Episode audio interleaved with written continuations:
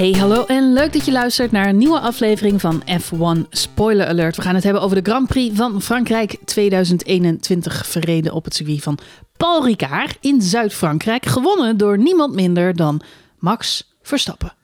Joehoe! Op Vaderdag. Bonjour! Ja, wat goed nieuws hè? Nou, en eh, ik dacht nog, wat leuks, vader is erbij. Maar toen Ja. viel het kwartje, het is Vaderdag. Ja. Nou, wat geef je je vader als je Formule 1-coureur bent? Een kaartje voor een Formule 1 race. Een kaartje voor Ja, de Formule 1-race. Goed gedaan Max. Dat is gewoon een stukje makkelijker dan zelf een of andere asbak in elkaar kleien. Ja, precies. Of een stopdas eh, in elkaar eh karton kartonificeren. Dus ja, die was snel klaar. Ja, Toen dacht hij, misschien is het toch een beetje karig. ik doe er een pole position bij. Ik doe er nog wat bij. Ja. Ik begin met die pole position. dan maak ik het nog even spannend. En dan doe ik gewoon daarna mijn allereerste hat-trick in mijn Formule 1 carrière. Leuk? Dat is wel leuk, want we zien Jos niet zo heel vaak meer op, eh, op de circuits. Die zit vaak thuis te kijken. En het Ja. mooiste vind ik dan toch wel, hij had natuurlijk nog een interviewtje voor de camera van, eh van Ziggo eh, na afloop. Het mooiste is dan toch wel één, dat het is natuurlijk zijn vader, dus vol emotie. En ehm, ik moet ook denken aan de vader van Jensen Button. Die had dat ook altijd. Die was er vroeger ook altijd bij. Die man is al een tijd geleden helaas overleden. Maar Jensen Button die was ook helemaal gek met zijn vader. Die was er altijd bij. En ehm, ja, die had dat, dat, dat, ja, dat, gewoon het emotionele. Ja. Van zo trots zijn op. Je hebt zo'n Eh, andere ervaring dan de vader van Seb Vettel. Weet of je die wel eens gezien hebt, maar dat is gewoon... Ja, eh, die is er alleen in Duitsland altijd bij. Hè? ja, zo'n kon- zo'n zo'n olijke, zo'n olijke vader is dat. het is een hele vriendelijke vent, Ja, maar die is gewoon wat, nu, eh, wat tenminste, hè, laat ik vooropstellen. We denken dat hij nuchter is, We maar... denken dat hij nuchter is. We zien maar meestal wel een dat biertje op Komt doordat Sepp Vettel natuurlijk zelf ook. Nee, maar hij houdt, Sepp houdt natuurlijk zijn hele familie een beetje de schijnwerper. Dat is een ander verhaal. Ja. Lewis Hamilton neemt natuurlijk ook wel vaak zijn vader mee. Maar Of die broer, ja. Ja, die heeft ook wel een tijdje eh, minder goede band met zijn vader gehad. Dus dat een beetje eh, lastig inschatten. Nee, maar ik vind... En dan heb je natuurlijk nog Lance Stroll en Lawrence Stroll. Ja, die is er ook altijd bij. mee. Die neemt Ja. zijn vader ook al mee naartoe. Maar ja, goed. We hebben laatst uh, vorige race nog gezien hoe dat dan eh, overkomt. Eh, Ja. Dan is er een crash. Nou, dan komt papa wel even een schouderklopje geven. Fijn dat je er nog bent. Ja. Dus eh, er zit ergens wel iets van liefde en genegenheid waarschijnlijk Ja, hij zei in deze geen, man. geen, geen zorgen jongen, deze betaal ik wel voor je. Ja, precies. Ja, precies. Maar, eh, maar ja, goed. Nee, nee, ja, en niks is zo mooi als gewoon eh, down-to-earth eh, Jos Stappen. Nou ja, de emotie is gewoon heel leuk. En dat geldt natuurlijk ook omdat wij met z'n allen op de bank zaten met een adrenaline tot Hij dak. verwoordde Maar- precies wat we, ja, eigenlijk hoe wij allemaal naar die race hadden zitten kijken met, Exact. met doodsangsten. terwijl, terwijl iedereen bij Red Bull en bij, Max, eh, bij Max in de auto, dus hij zelf, Hij zelf, ja. Hij zelf. Ja, eh, waarschijnlijk toch wel eh, enig meer zelfvertrouwen. ja in ieder geval meer Hadden. rust hoop ik inderdaad. Je had de boordradio al ook aanstaan op een gegeven moment. Jij switchte continu van boordradio tussen Hamilton en, en ja, dit was echt zo'n race die ik, ik had gewoon heel erg de behoefte dat ik continu in de auto wilde zitten. Dat ik Ja. eigenlijk wilde horen wat daar nou gebeurde. Ja. Eh, en dat was wel interessant, want je hoort dan inderdaad, eh, ja, Max Radio had natuurlijk problemen. Dat hoorden we eh, op de televisie ook al een aantal keer. Maar hij ehm, eh, werd op een gegeven moment kwaad op zijn engineer, omdat dat was in, op het moment dat hij zo onder druk stond van Hamilton Mhm, mhm. na zijn eerste pitstop. En ja, was natuurlijk eh full-blown elke, elke ronde DRS Hamilton achter in de spiegels. Ja. En toen werd hij kwaad, omdat hij heel graag wilde weten wat de afstand was. Ja. Dus vanaf dat moment heeft zijn engineer heel braaf in elke DRS-zone de afstand eh, genoemd. Ja. Dus dan was het eh, DRS 0.6, DRS 0.9, DRS, DRS 0.7. En zo ging het ronde na ronde na ronde. Eh, maar het mooie is inderdaad dat de eh, engineer van Max zo rustig blijft. Zo Ja. kalm. Ja.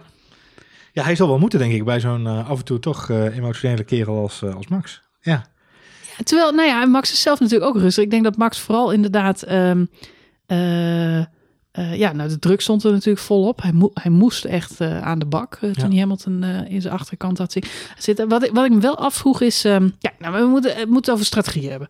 moet het over strategie hebben? Ja, maar het wel, dit, dit, is een, dit is een strategische race. En Dit ik, was, dit was een, een strategische... Het grappige is, iedereen zei voor het weekend... Oh, Paul Ricard, die grote parkeerplaats daar in Zuid-Frankrijk naast het vliegveld, wordt saai. En wat dit duidelijk maakte is dat de juiste coureurs en de juiste strategie... kan van elke race toch een spannende ervaring maken. En dit was echt een toprace. En niet alleen qua, qua coureurs, gaat het ook nog even over zo... maar ook vanwege de strategie inderdaad. Nou, dat denk ik. En ik, eh, ik denk in heel veel opzichten was dit een dubbeltje wat twee kanten op kon vallen. Dit had ieders weekend kunnen zijn. En met ieders bedoel ik Red Bull of Mercedes. Mhm, mhm. Ik denk niet dat eh, je kunt zeggen dat een van de twee coureurs dit weekend eh, echt eh, grootschalig eh, uitblonk boven de anderen. De auto's waren ook echt aan elkaar gewaagd. Overigens was ik erg blij om te zien dat Sergio Perez het dit weekend redelijk goed wist bij te houden. Je kunt natuurlijk zeggen, hij viel wel echt buiten dat top 3 gevecht in Mhm, die mhm. fase van de wedstrijd.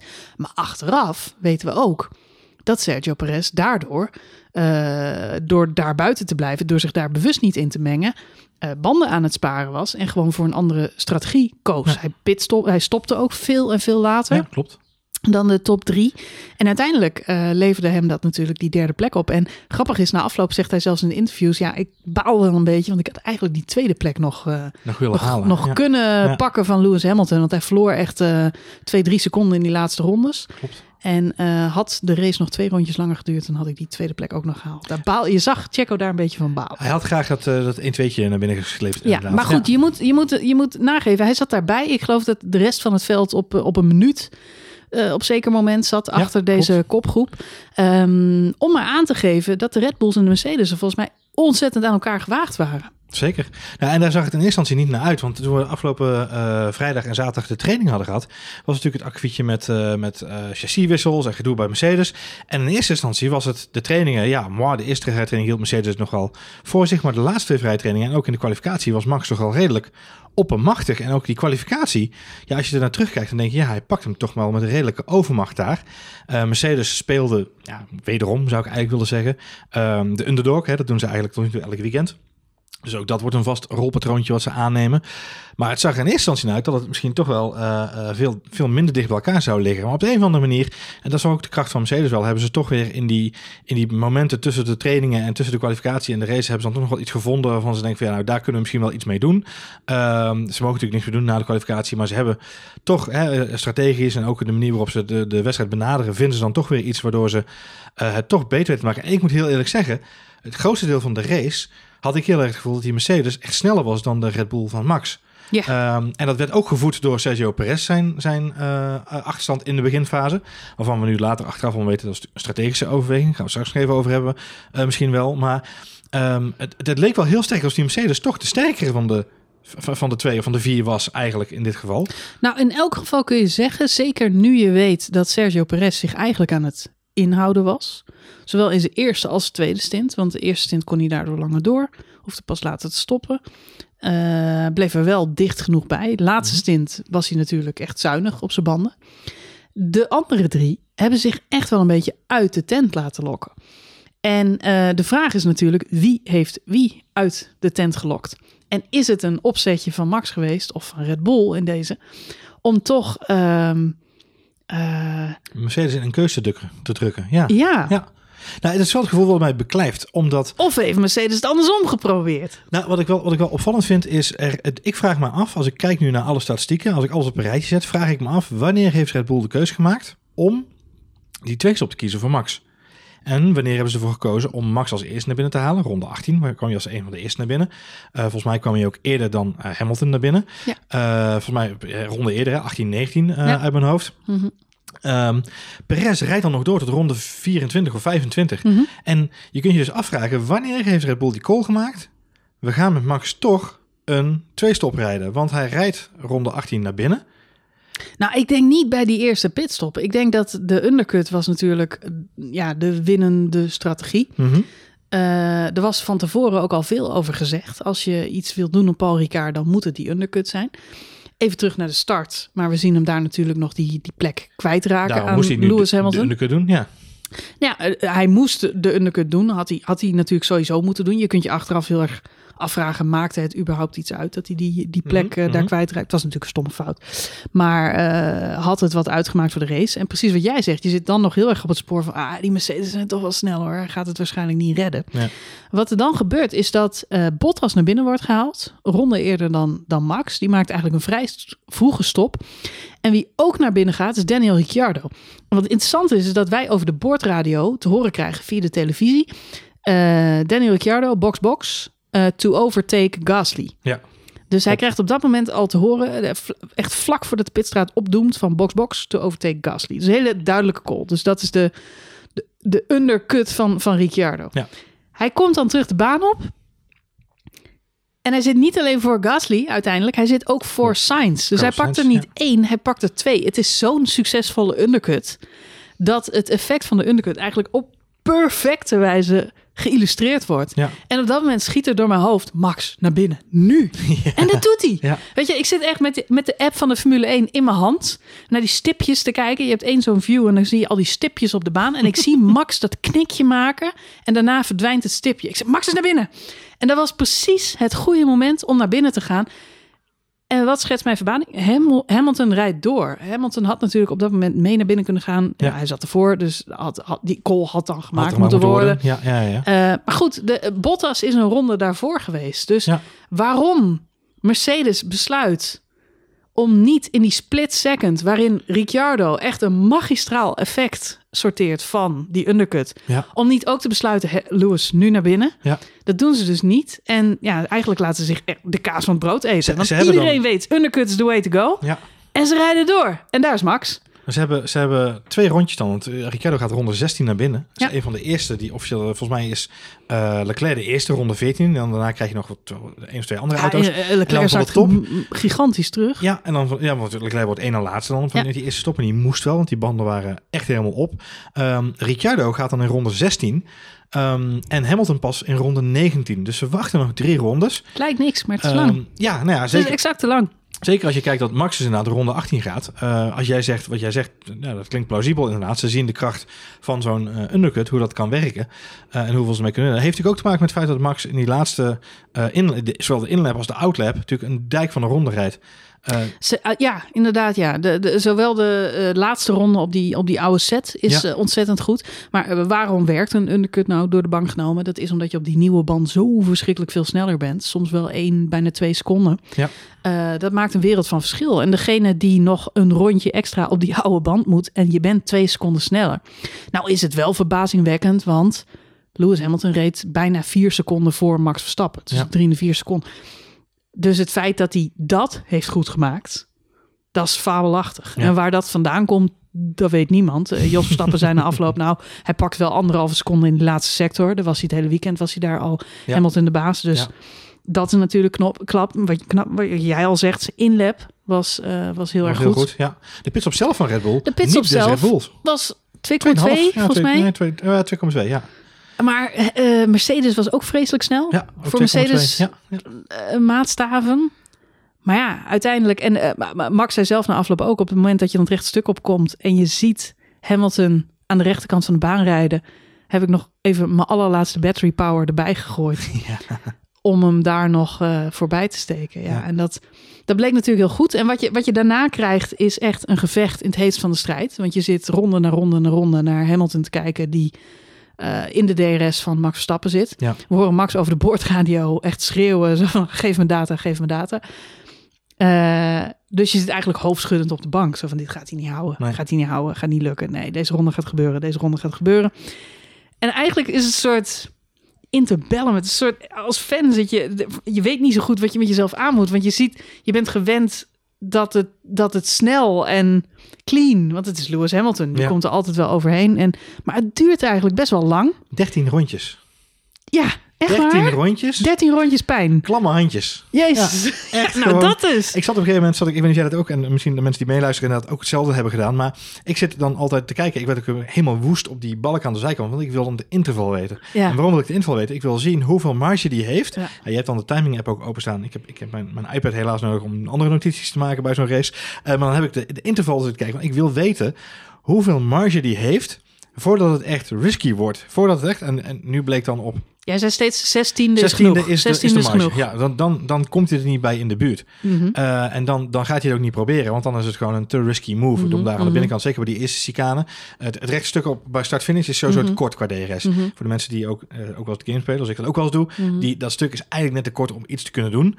Dan moet je er echt op twee, twee tiende achter zitten, zeg maar. Dan heb je daar de DRS als voordeel. Op dat eerste rechtstuk, tot aan de chicane, eh, waar de eerste DRS-zone is, daar, daar moet je binnen, nou in dit geval bleek dus vandaag, zestiende ongeveer zitten. Volgens mij was die één keer op vijf en een half of zo, dat ik echt dacht van, oh. maar ook daar ging Hamilton nog gelukkig op tijd van het gas af en had Max de tijd om gewoon zijn, zijn, zijn apex te halen en, en de chicane door te komen. Maar het is eigenlijk een, een, een hele korte stint van, eh, ja, van, van 13 rondjes ongeveer. Ja, nou kort, kort. Als je thuis zit te kijken, dan uh, is het niet te doen, joh. Blind, blinde paniek. Maar wat ik uh, ook opvallend vind aan, aan dat hele segmentje in de race. we horen iedereen in paniek raken. We horen Max op een gegeven moment zeggen: Ik ga dit niet volhouden op deze manier.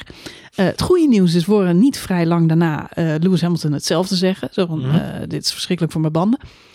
Maar wat doet Valtteri Bottas daar? Waarom. Weet je, Sowieso altijd een goede vraag om jezelf te stellen.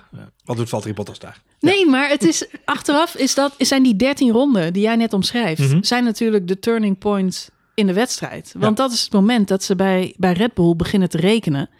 En denken ook, wat gaan we doen? Wat gaan we doen? Wat gaan we doen? Ja. Eh, vanaf welk moment wordt de Hongarije-Spanje Cyclus. Tactiek. Ja, ja, ja. die Mercedes ooit op Red Bull toepaste, wanneer wordt die een Red Bull strategie? En uh, ja, die, die tijd hebben ze wel nodig. Maar wat mij heel erg verbaasde is dat, wat je vaak ziet, is dat die druk er natuurlijk wel is. Maar wat je niet vaak ziet, is dat die zo lang duurt. 13 ronden lang. En wat mij ook verbaasde, dat is dat Bottas daar volle bak als een jekko gewoon achteraan tagt. Ja, ja, ja. Ja, ja, zonder, weet je, we zien altijd, nou, we hebben net over Checo Perez gehad, andere strategie. Die reed gewoon heel relaxed zijn wedstrijd. En het mooie vind ik wel dat, uh, ik moest wel lachen, na afloop in interviews vind ik Sergio Perez altijd een beetje verwilderd overkomen. Die kijkt alle kanten Een soort, op. soort verstrooid. Ja, een soort Ja, verstrooid. ja, ja. Zo van, uh, en je zou, nou, wat ik al zeg, hij was eigenlijk een beetje teleurgesteld met zijn podium, omdat hij tweede had willen worden. Um, maar aan de andere kant, zijn ervaring is volgens mij ook uh, voldoende. En natuurlijk waarschijnlijk ook de voorbereiding die die met zijn engineers en strategen heeft gehad. Om te zeggen, oké, als dit gebeurt doen we dit, als dit gebeurt doen we dat. En uh, dat moet hem ook wel een rust in die auto geven om gewoon zijn eigen wedstrijd te rijden. Het mooiste moment komt, komt later in de race als Max die tweede stop heeft gemaakt. Perez inhaalt en Perez te horen krijgt... Uh, De, de race is on. de race is on. Ja, ja, Weet je ja. wel, vanaf dit Ja. moment in het kielzog van Max erachteraan en die twee Mercedes eh, inpakken. Ja. Maar het mooie is dat, dat hè, Perez is op de hoogte van die strategie. Op de een of andere manier. Of omdat het vooraf allemaal doorgenomen is, alle scenario's. En ik denk niet dat dit vooraf een done deal was. Ik denk niet dat ze vooraf hebben gezegd... het wordt sowieso een tweestopper en we gaan ze uit de tent lokken, et cetera. Wat ik wel denk is dat ze bij Red Bull een aantal strategieën altijd in het hoofd hebben zitten. En dat merkte ik bij Perez ook. Die wacht gewoon zijn kans af. Op het moment dat hij aan de bak moet, gaat hij achter Max aan, pakt hij die derde plek, doet hij hartstikke goed. Maar wat de was Bottas aan het doen? Ja. Die rijdt zijn banden finaal aan gort. What's he gonna do? Weet je, gaat hij, gaat hij eh, Hamilton nog inhalen op dat punt? Hij zit een paar keer in de DRS van Lewis. Daarmee vernachelt hij zijn banden. Hij vernachelt ze. Eh, eh, de- Ja, de hele setup van de auto. ja, de auto hele setup van de auto. En hij houdt het ook is- niet vol. Hij is- houdt het ook niet vol. Hij mag Hamilton helemaal niet aanvallen. Hij krijgt dan nog wel over de boordradio te horen... This is what we love to see, of ja. zo. Ja, klopt. Dat We ik, love what we're seeing. Ik denk wat ze, wat ze gedacht hebben bij hoe Mercedes. dan, Mercedes? Hoe dan? Nou ja, ik denk dat ze bij Mercedes echt gedacht hebben. en, en misschien, het is heel moeilijk inschatten, want jij hebt de woordradio's wel open gehad. Ik heb ze natuurlijk niet allemaal gehoord en geluisterd. Maar wat ik me afvraag is, of ze bij, bij Mercedes, en ik moet heel eerlijk zeggen, de gevallen uit het recente verleden spreken niet in hun voordeel. Of ze bij Mercedes zo naïef zijn geweest dat ze gedacht hebben, oh, bij Red Bull zullen ze zo ook wel van het gas afgaan. Want een eenstop is de beste strategie. En als dat zo was geweest, als ze bij Red Bull ook eieren voor hun geld hadden moeten kiezen, omdat ze anders de boel aan het opblazen waren, dan hadden ze natuurlijk gehad dat zowel Bottas als Hamilton de kans hadden gehad om Verstappen in te halen. Dus ik denk dat ze echt wel gedacht hebben, we zetten ze zo dicht mogelijk op elkaar. Zodra Verstappen inkakt, kunnen ze er alle twee langs. Mhm. Ik denk oprecht in al hun naïviteit, hoe stom het ook klinkt voor een meervoudig wereldkampioensteam, wat dat toch al een tijdje meegaat in deze sport. Maar ik denk dat echt dat dat het idee was, dat ze daarom ook gezegd hebben, we're loving what we're seeing. Blijf er maar in kielzog, want zodra Verstappen een foutje maakt of zodra hij iets moet doen, heb jij er ook voordeel van. Alleen wat je ziet is, dit duurt 13 ronden en is dit te kan niet, dat kan hij niet Het is volhouden. te lang en het is een naïeve strategie. Want één, Max maakt gelukkig geen fout. Laten we dat voorop stellen. Ehm, had hij dat wel gedaan, hadden ze natuurlijk allebei wel voorbij gekund. Maar je ziet eigenlijk, je ziet bijna nooit 13 ronden dat dit zo lang eh, voortduurt. Nee, zeker niet met deze, met, met, met alle twee inderdaad drie auto's eigenlijk binnen een seconde van elkaar eh, in schootsafstand. Eh, het, dat was zeker de laatste drie, vier ronden uh, kakte Bottas in. Hè. Die liet hem terugvallen naar 1,8, 1,3 seconden. 1,4. Op een gegeven moment, ja, dan zie je ze toch de call maken van laat maar zakken. Ja. En dat is eigenlijk dan het opmerkelijk moment. Want ineens krijgt Max lucht. Eh, het, is, het gebeurt al op een eerder moment. Want jij zegt op een gegeven moment Hamilton heeft een foutje gemaakt. Want ineens zit hij op 1,3 seconden. Ja. En daar komt hij dan toch nog weer van terug. Dus heeft hij of misschien even op zitten laden. Maar had ook een zwenkmomentje. Ja, waardoor hij even omstuurmomentje rondje, inderdaad, ja. ja. door die één rondje ehm erachter eh belanden. Ja. Maar we zien Bottas op een zeker moment wel afhaken in die strijd. Die laat, die laat hem echt gaan. Eh, maar dit is ook een moment dat die bandendiscussie eigenlijk over de boordradio eh, komt. Ja. Ja. Max zegt dan van ik ga dit zo op deze manier niet volhouden. Lewis zegt eigenlijk hetzelfde. En dan zegt zijn team, we gaan er naar kijken. Ja. Waarop Bo- eh, Lewis nog zegt, let's make sure we do the undercut at the right time this, Ja, this time Let's make the round. work. Ja. Ja, precies. Met andere woorden, op dat moment heeft hij in zijn kopje zitten dat ze voor die twee stopper gaan. Ja. Waarschijnlijk ook vanochtend wel besproken. En toch maken ze die call niet. En dan moet ik wel zeggen, ik las, ik las online al in een eh, eh, enkele autosportjournalisten die zeiden van nou, als er dan toch iets op, ehm, op, op Red Bull aan te merken valt, dan is het misschien dat ze Max net iets te vroeg naar binnen hebben gehaald voor die tweede undercut. En daar ben ik het dus niet mee eens. Want ik denk dat ze hem op het perfecte moment naar binnen hebben gehaald voor die tweede stop. Niemand zag het aankomen. Het was totaal onverwacht. Het was eigenlijk op het moment dat Lewis Hamilton ook even eh, afstand nam en de boel liet varen. Volgens mij zat hij op twee, drie seconden al. Ja. Het zag er net lekker uit. En op dat moment duikt hij naar binnen. Nou, volgens mij is dat dus het moment, en, en, om, om, het, om het, dat gevoel rond te maken, inderdaad, volgens mij is dat het moment waarop Mercedes met zowel Bottas als Hamilton besloten heeft, oké jongens, back off. Dit wordt een eenstopper. We moeten onze banden nu gaan redden. nou, dat was dus het de perfecte moment. Want ook Red Bull zal niet doorgaan tot het einde. Dat was dus het perfecte moment. Precies wat jij zegt. Want je ziet daar dat Mercedes gas terugneemt. Oké, we gaan toch banden sparen. We gaan voor de eenstopper. Dus ze hebben zichzelf in de kaarten laten kijken daar. En dat is het moment dat Red Bull heeft gedacht.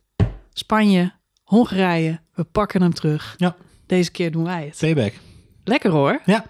Het is een ontzettende, ontzettende goede strategische call geweest. Ja. Ehm, en wat ik al zeg, ik blijf me erover verbazen dat op de een of andere manier moet, durf ik toch wel te kijken naar, of tenminste blijf ik toch wel een beetje kijken naar de rol van Perez hierin, eh, die uiteindelijk inderdaad ook gewoon hartstikke goed meekomt en die uiteindelijk laat zien dat een eenstopper wel kan werken. Want wat we gaan merken, Zeker. en dat is het mooie om even bij Mercedes te blijven. Je merkt dan in afloop, eh, als deze moves zich hebben uitgespeeld en, en iedereen bij Mercedes langzaam zeker besef krijgt dat ze zichzelf in de kaart hebben laten kijken. ehm, en het eigenlijk al te laat is om nu nog te reageren. Want reageren op de pitstop van Verstappen betekent bij default de wedstrijd Ja. opgeven. Je bent in de eerste ronde dat Max terug de baan op is, ben je al twee, drie seconden kwijt. Dus, En je zat er al achter. Dus dat ga je niet redden. dus de, wedstrijd, is, de eh, wedstrijd was, was opgegeven ja. daar op dat moment. Ze En- konden niet meer. Op het moment dat Max naar binnen dook, is de twee-stopper van Mercedes uit het raam. En dat realiseerden zij zich ook. En op dat moment konden ze eigenlijk alleen maar hopen, bidden. En dan is er voor de, voor de, voor de, voor de Max-fans nog wel een, een spannend moment. Want we zien aanvankelijk natuurlijk dat het hartstikke goed gaat. Dit is een, eh, een chase eh, to the finish line. Maar we hadden echt nog heel wat rondjes. Volgens mij zaten we op 18, 9 ronden, 19 ronden of zo ja, ja, ja. die nog eh, die moesten gebeuren. Dus je hebt enerzijds denk je van oh, de race zit er bijna op, maar dat was niet zo. Er was eigenlijk genoeg tijd om er nog iets van te maken. Dus nog een goede reden om vroeg te stoppen. De meer kans om dichterbij te komen. Max zei na afloop ook, ook, het was op sommige stukken echt nog spannend om zo dichtbij te komen, omdat er veel achterblijvers waren. Ja. Hij zegt daarnaast heb je geen zicht op de Mercedes, omdat je achter die achterblijvers, dus het blijft heel lang Onduidelijk, ja. Man, moet je je voorstellen hoe ongeduldig wij naar dat beeldscherm zitten te kijken. hoe ongeduldig hij moet zijn geweest in zijn auto. Want Ja. je zit wel daadwerkelijk 20 seconden achter die, eh, die Mercedes. En Ja. je moet dat nog helemaal dichtrijden. Maar goed, we zien aanvankelijk aan de rondetijden dat dat natuurlijk super lekker gaat. Want Hamilton rijdt 1,39ers, Max rijdt 1,37ers. Sommige ronden snoept hij er zelfs 2,5 seconden vanaf. Dus het gaat in razend tempo. Wat ik al zeg, Perez wordt heel snel ingehaald. En dan is het alleen nog maar de jacht op, eh, op eerst Bottas.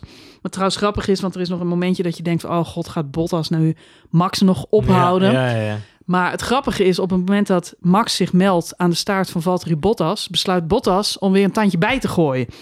Dus die, ik weet niet waar die het dan nog vandaan haalt. Die slip en slide natuurlijk all over die Maar baan. dat heeft hij niet meer. En dit Dat is, heeft hij niet meer, maar je ziet hem wel op dat moment. In plaats van, weet je, wel, je had nog kunnen zeggen: Oké, Bottas, doe iets, maak je breed, hou die, hou, hè, hou, maak het moeilijk voor Max, wat dan ook. Nee, in plaats daarvan gooit hij gas erop.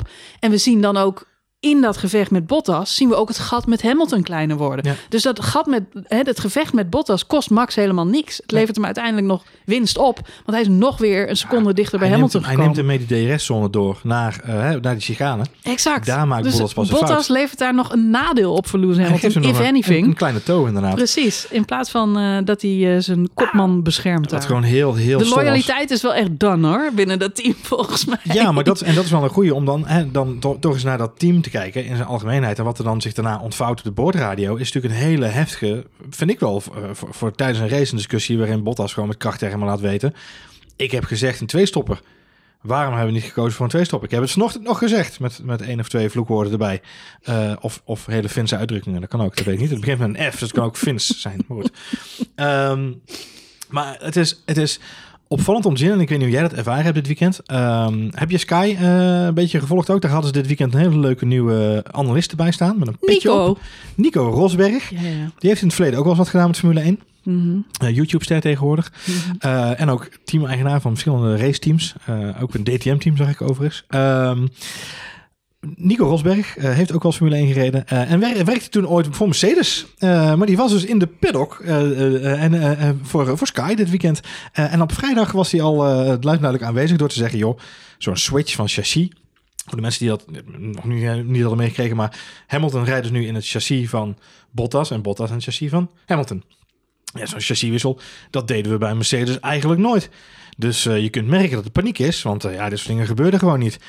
En terwijl iedereen, die, dus wij als neutrale kijkers, hoorden dat nieuws voorbij komen. En wij zeiden tegen elkaar van, oh, maar dan heeft Bottas gewoon lopen jengelen. Want Bottas klaagt al, al die tijd over dat er iets structureel mis is met zijn auto. Dus die heeft nu gewoon lopen jengelen dat hij een nieuw chassis krijgt. Maar Nico Rosberg, hashtag omdenken, die draaide dat weer om. En die zei van, nee, luister, dat is gewoon Lewis Hamilton die heeft lopen klagen. Want, dan had hij al een goed puntje, dat chassis van Bottas is veel jonger. Dat is namelijk een chassis wat van, vanaf Imola in gebruik is. Mm. Dus het chassis van Bottas was een veel jonger chassis dan het van Hamilton. Dus met andere woorden, Bottas rijdt nu eigenlijk in een ouder chassis. Dat drukte uh, Mercedes weer in de verdediging. Na de uh, kwalificatie in de persconferentie moest Lewis Hamilton dan weer in de persconferentie uitleggen dat het hele verhaal van niet van chassiswisselen een mythe was. En sloeg helemaal nergens op. En iedereen zocht maar wat, spijkers op laag water. Toto Wolff, ook in de Duitse pers, uitgelegd van nee, dat is echt niet aan de hand. Dit zijn allemaal chassis die we hebben. Het zijn allemaal wereldkampioenschap auto's. Er is geen verschil tussen de auto's, et cetera. Maar het geeft aan dat het feit dat er zoveel onrust al op zaterdag was rondom Mercedes. En nu ook weer de dag daarna, de, tijdens de race, zoveel onrust rondom deze strategische keuzes. De, de manier waarop Bottas zich uit. En dat Toto Wolff dan na afloop bij Sky Duitsland zegt. Ja, ik heb er echt van genoten dat hij dat zo zegt. Hij laat eindelijk uh, merken dat, het die, uh, dat hem iets dwars zit. En het komt er eindelijk uit. Ik moest heel erg aan Anna en Elsa denken van Frozen. Let it go. Maar het is... Het, het, er is wat aan de hand bij Mercedes. Nou, het slaat natuurlijk nergens op, want Bottas die is al uh, maanden kritisch in de, in, de, in de pers af en toe.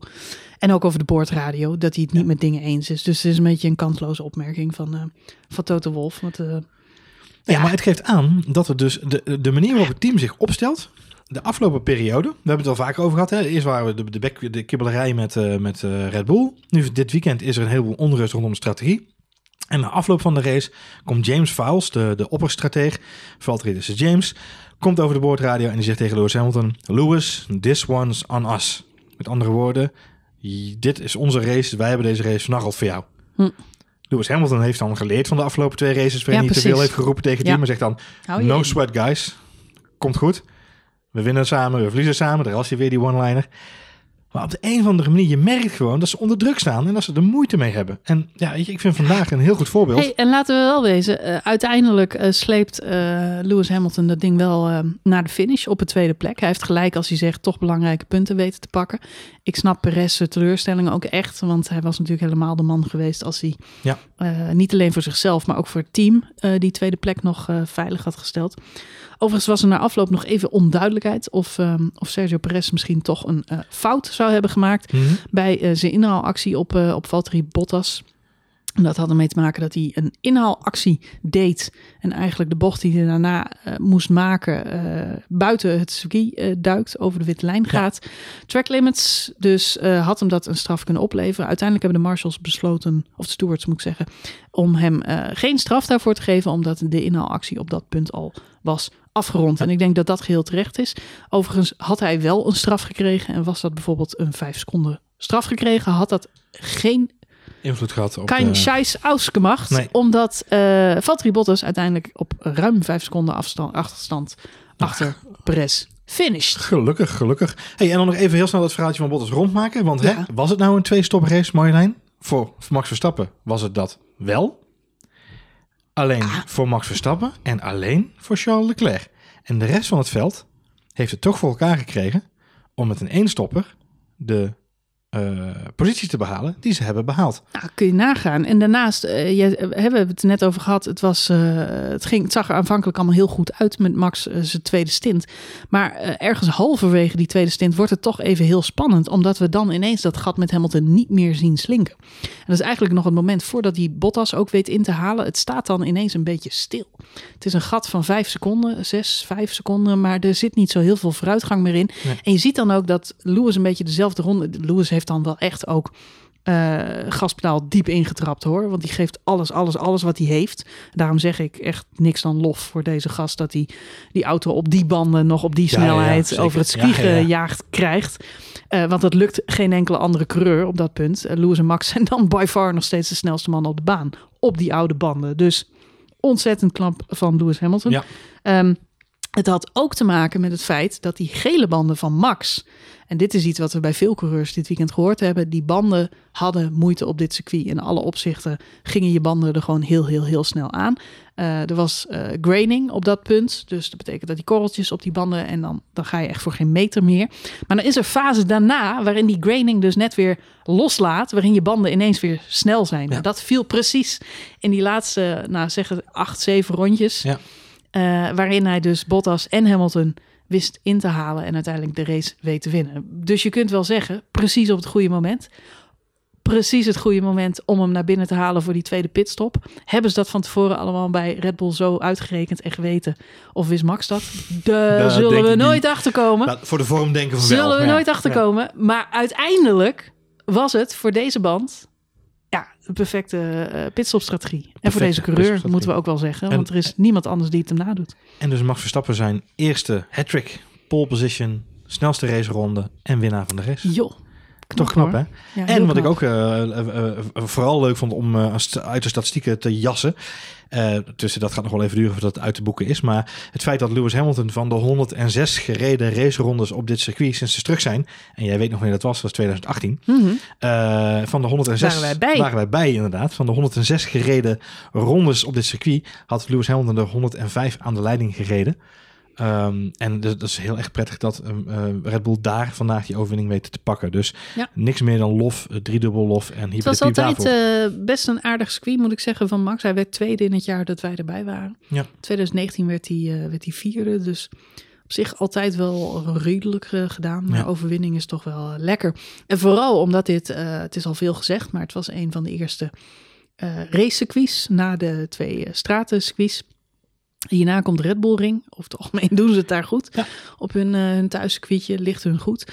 Dus eh, ja, dit is tof. Dit is tof. En je merkt ook de euforie bij iedereen, bij de, bij de fans en ook bij de journalisten, dat we nu eh, daadwerkelijk naar een wereldkampioenschapsgevecht kijken. Ik moest trouwens ook heel erg lachen. Ik zag net op, op Instagram, zijn vriendinnetje was er natuurlijk ook bij. Ja. Kelly, Kelly Piquet. Piquet. Ja. Niet alleen zijn vader, maar ook Kelly. Het is natuurlijk ook een kort vluchtje, want eh, ze wonen allebei in Monaco. het was ook dus, van Max eh, vaderdag, hè? Dus die moest... eh, was Klein er ook bij van Max? Nee?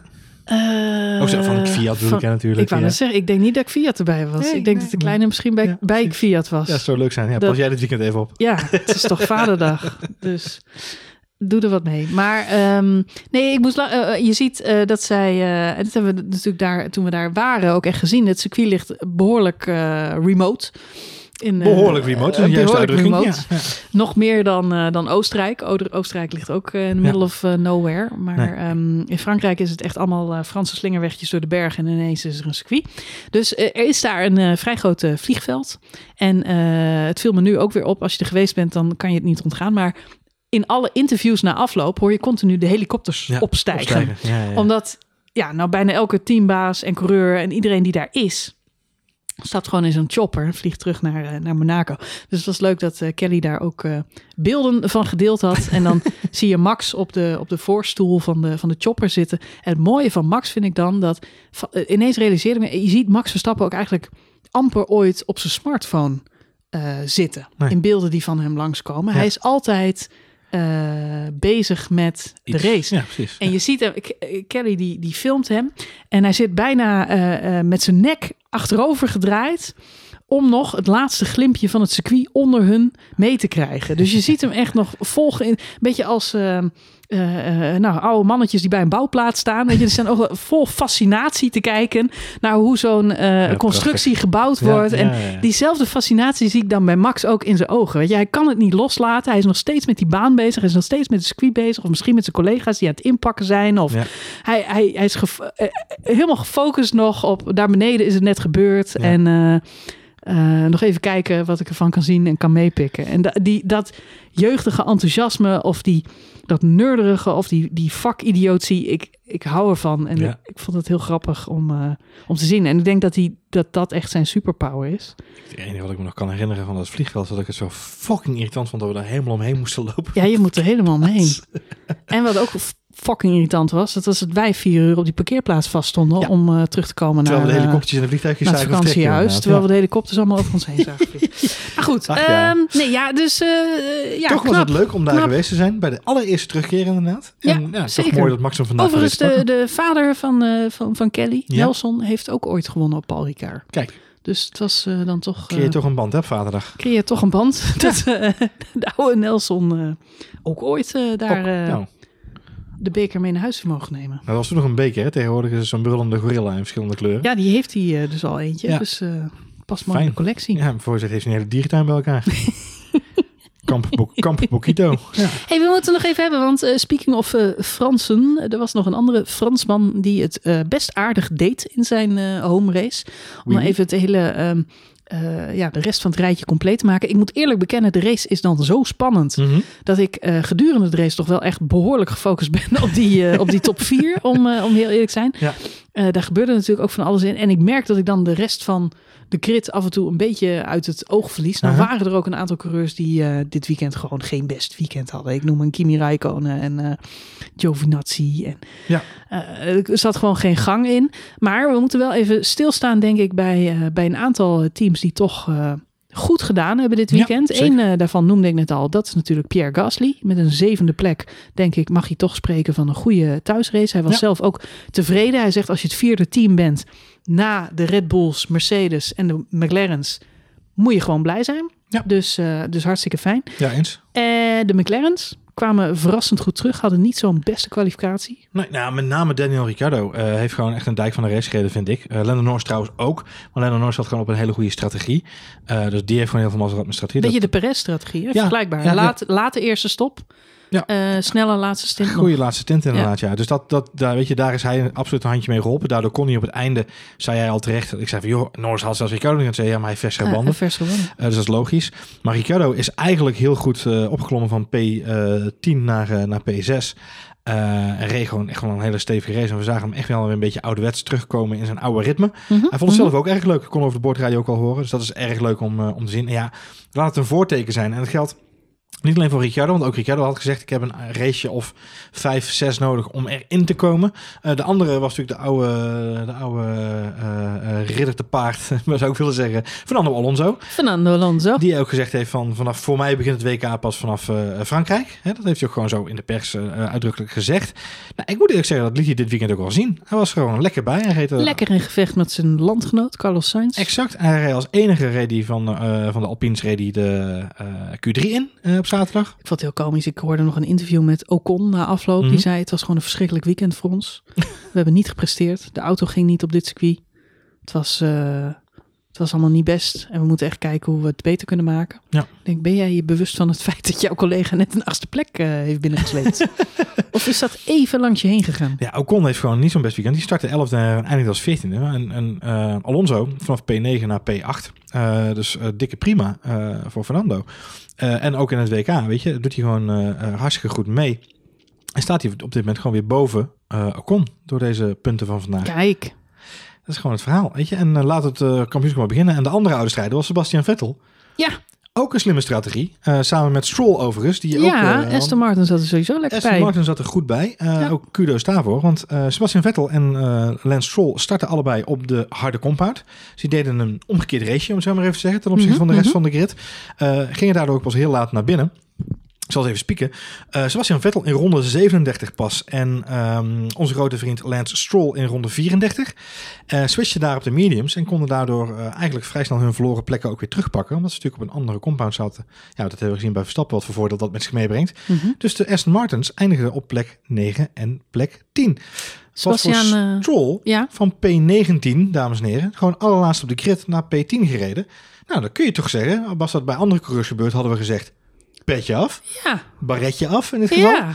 Want Maar een Stroll krijgt 0,0. Op de een of andere manier is het een beetje 0,0. wauw, wauw. Ja, wauw, en Stroll. sneu hoor. Het is trouwens bij Kimi Räikkönen ook hoor. Als Kimi Räikkönen een punt heeft, geen haan die ernaar krijgt. En waar ik me ook wel aan irriteerde, er is best wel veel kritiek op Fernando Alonso geweest de afgelopen tijd. Hij is Mhm. teruggekomen, presteert niks, zit voor spek en bonen. Ik zie vooral een coureur die eh, in de eerste vijf races eh, in staat was om, eh, om vaak een van de snelste rondes tijdens de race neer te zetten. Ja. Ik weet niet wat je daaraan hebt als je verder niet in de punten finish. Maar goed, het Uit- geeft Uitstekend showmanship. ja, het geeft in elk geval aan. Kijk, eh, Max zegt altijd terecht, de punten worden niet op zaterdag eh, verdeeld. Mhm. en, eh, en ik ben het daar helemaal mee eens. Je hebt helemaal niks aan, aan 100 eh, pole positions, zoals Hamilton die heeft. Nee. Als je uiteindelijk geen wereldkampioen weet te worden. Nee. Dus ik heb liever dat Max zijn overwinningen pakt dan zijn pole positions. Maar als dat toch moet, Nee, is maar- prima meegenomen. Maar goed, eh, er zijn ook coureurs die, ehm, ja, die inderdaad eh, het beide goed doen. Die en eh, in staat zijn om echt bloed en bloed snelle rondes te rijden. Ja. Zoals Alonso dat kan. We Ja. weten dat Alonso een kwalificatietijger is. Mhm. Aan de andere kant, het is ook gewoon een racemonster. Vorige race, van de tiende naar de zesde plek. Bij zo'n herstart, zo'n sprintrace van Ja, twee rondes. Precies.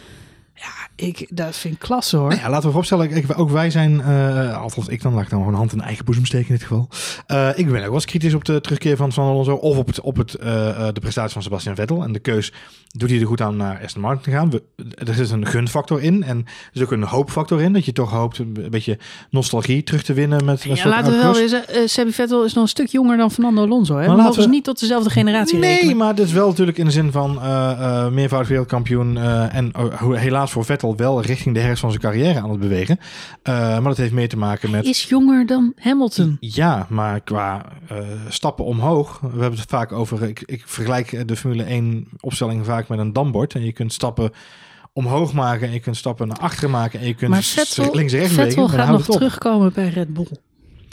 Ja, maar dan, Ik is het, maar je. dan is het in de koelhardvorm. En Hij dan is gaat de vraag wat hij dan nog. Red Maar goed, Races winnen. wat... eh, Sebastian Vettel gaat nog een race winnen. Ik beloof het je, hij gaat nog een race winnen. Nou ja, en misschien gaat hij het nog wel doen met Aston Martin, Marjolein. Want die zit Dat er kan ook nog. lekker bij. Dat Zit er gewoon een kan ook Mercedes motor in. Overigens moet ik wel zeggen, hij zei zelf na afloop in een interview dat hij eh, stom verbaasd was.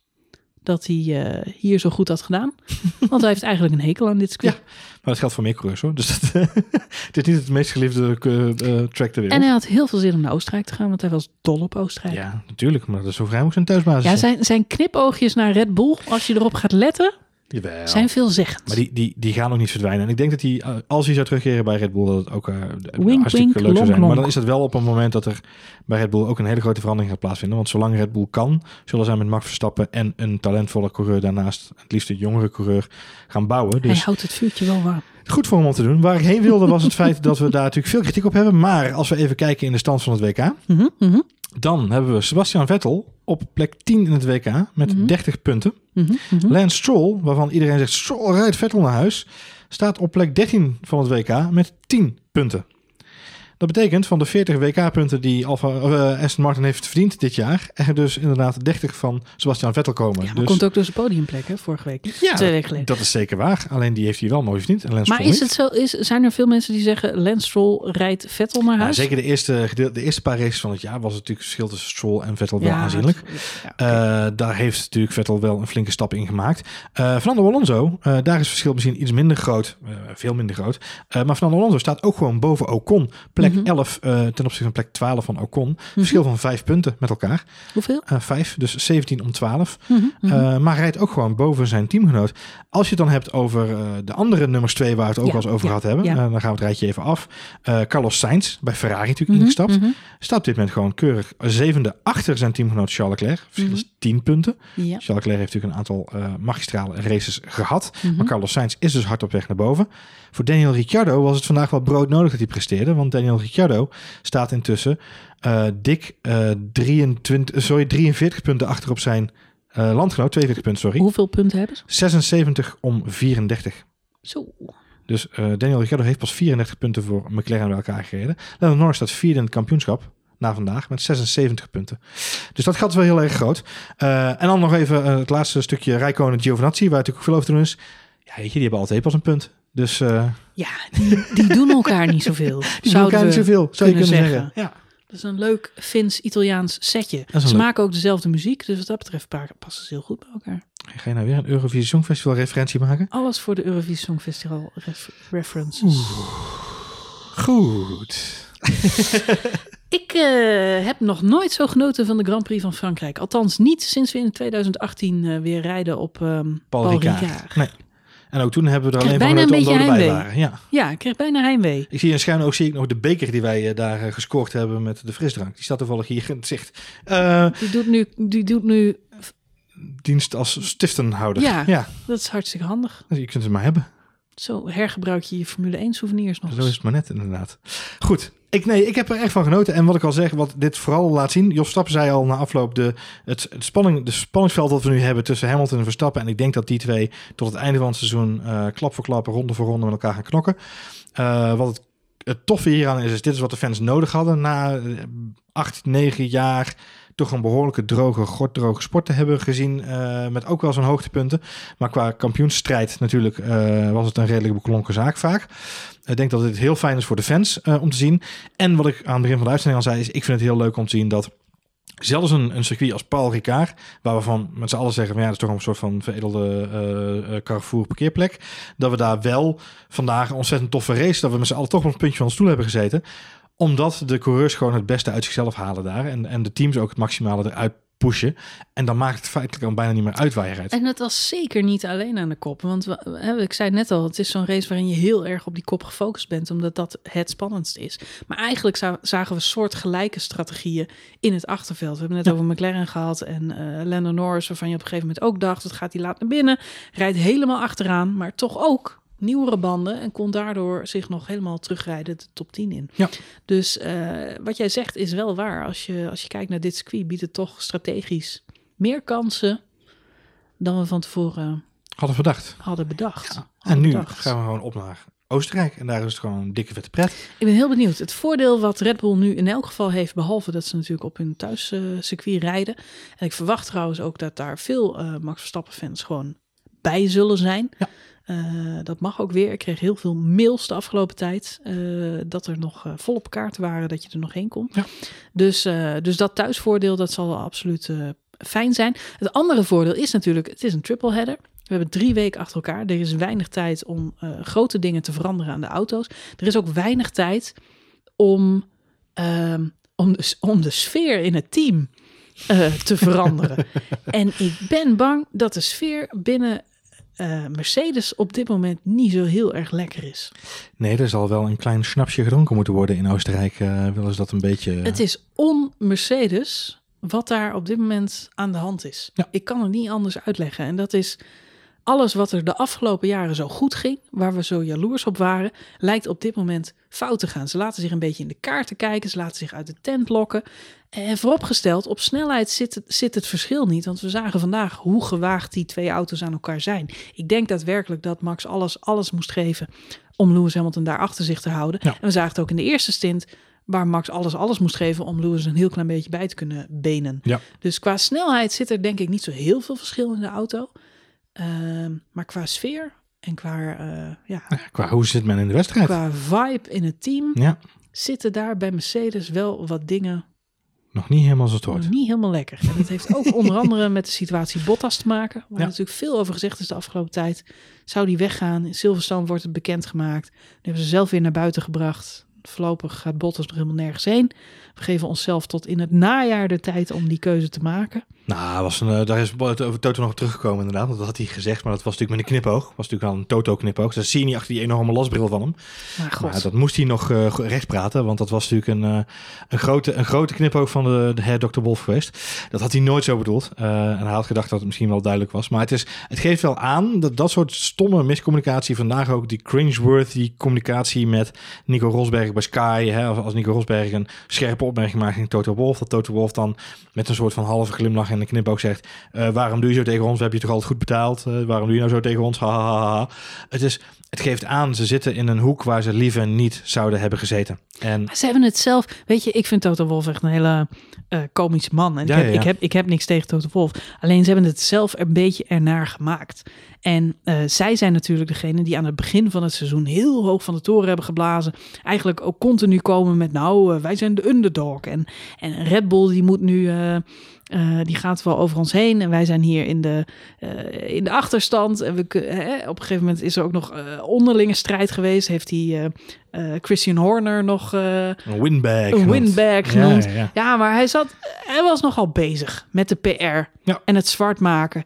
En wat mij opvalt is, ehm, en dat vind ik zo lekker aan, aan Red Bull en ook aan, aan Max. Ik denk dat Max dat ook wel echt eh, in zich heeft. Focus op je eigen wedstrijd. Hij is gewoon bezig met zijn eigen race. Met zijn eigen, je zag het ook deze kwalificatie weer, hè, afgelopen weekend. Gaat gewoon de baan op wanneer hij denkt, Ja. ik ga nu rijden. Het interesseert Max niet of hij voor de Mercedes zit, achter de Mercedes zit. Hij hoeft niet te weten wat hun tijd is. Hij kan alleen maar zelf Hij zijn weet, hij weet wat allerbeste. hij moet doen. Ja. Hij weet wat hij moet doen en hij weet hoe hij de allerbeste ronde neer moet zetten. En als die niet goed genoeg is, dan is dat maar zo. Maar hij is niet bezig met de Mercedes. En ik denk dat dat de winnende strategie is. En als Mercedes eh, ophoudt zich zo druk te maken over Red Bull, dan, eh, ja, dan, dan vinden ze misschien hun, eh, hun vibe weer terug. Maar Ja. ik hoop natuurlijk dat dat niet gebeurt. Nee, laten we, nou ja. Want ja deze consternatie in het team.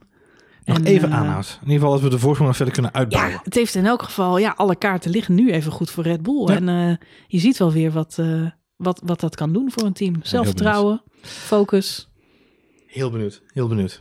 goede technologie, topcoureur. Ja, ik heb zin in. Volgende week weer, man. Oh, Hopelijk is de boordradio dan gefixt voor ze. Ja. heerlijk, heerlijk. Hoe zitten we met voetbal? Eh, dat is dezelfde avond.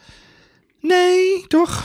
Volgens mij eh, zaterdag is de Oh ja, kwalificatie. zaterdag, Zaterdagavond speelt het Nederlands elftal dan hun eh zijn Haag hun kwartfinale, achtste finale Zijn eh, achtste finale. tegen nog te bepalen. Eh, dus daar hebben we geen last van. En volgens mij zitten we dan. Nee, dat is volgens mij niet eens. Ja, dat is wel aanstaande. Ja. Spannend. Spannend, leuk sportweekend weer. Ja, nee, dat is volgende week pas, joh, die, eh, die achtste. Dat is pas eh, drie. eh, Volgend weekend begint ook Ja. de Tour de France, volgens mij.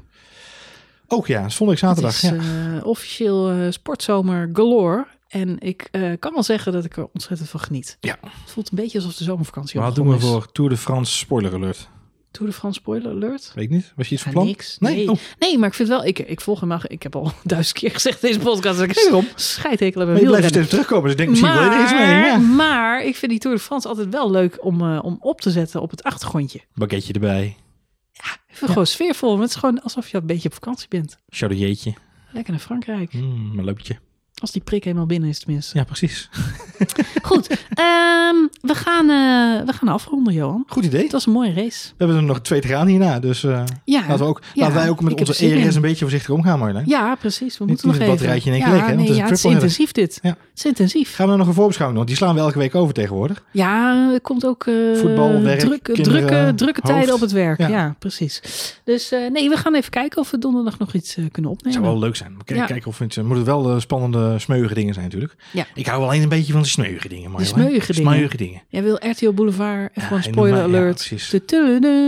Maar maar de Albert van, eh, van de... Ja? Nee, nee. Ja, Laten we even kijken. De afgelopen twee weken hebben we hem gemist. Mensen die, die ons wasluisteraars hebben daar ons ook op aangesproken. Daarvoor dank. Ja. En, eh, en, en nogmaals onze excuses. Maar soms zit het mee en soms zit het tegen met de tijd die je hebt. Ja, soms is er gewoon even geen uurtje te Op een vinden. of andere manier hebben we nog steeds... eh, we hebben, doen een heleboel creatieve dingen. Maar een manier om tijd bij te maken hebben we nog steeds niet gevonden helaas. Als iemand een gouden tip daarvoor heeft. Ja, eh, sms even naar eh, Mercedes. want daar kunnen ze nog wat extra tijd gebruiken. Ik kan het zeggen. Zeker deze week. Gaat niet goed komen. Gaat niet Ga goed niet komen. komen. Goed, Goed. Oostenrijk. Oostenrijk. We gaan eh, afslon- eh, afsluiten, afronden, Afronden, afslonden. kop eraf, Alles wegwezen. Voetbal kijken. Oh nee, dat is ook niet meer. Eh, morgen pas weer. Ja. Jammer. Nou ja, Jammer hè? Nou ja, dan zijn we er weer bij. Jammer. Ik ben zo gewend geraakt aan een drie uur, zes uur, negen uur wedstrijd. Maar dat zit er alweer op. Dat Het klopt. is nu nog maar één keer per dag. Nou ja, zonde. Maar gelukkig begint het door de Frans. Gelukkig, gelukkig, gelukkig kan ik een podcast gaan monteren nu. Dus dat scheelt. Hey, eh, bedankt voor het luisteren. Wil je reageren? Kan dat zoals altijd via Twitter. Wij zijn Marjolein en Johan Voets. En we hebben ook een Twitter-account die heet F1 Spoiler Alert. Ja, verrassend. En een Telegram-app. En die heette F1 Spoiler Alert Chat. Yes. De chat. En eh, heel graag tot, Tot de Grand Prix aflevering. van Oostenrijk.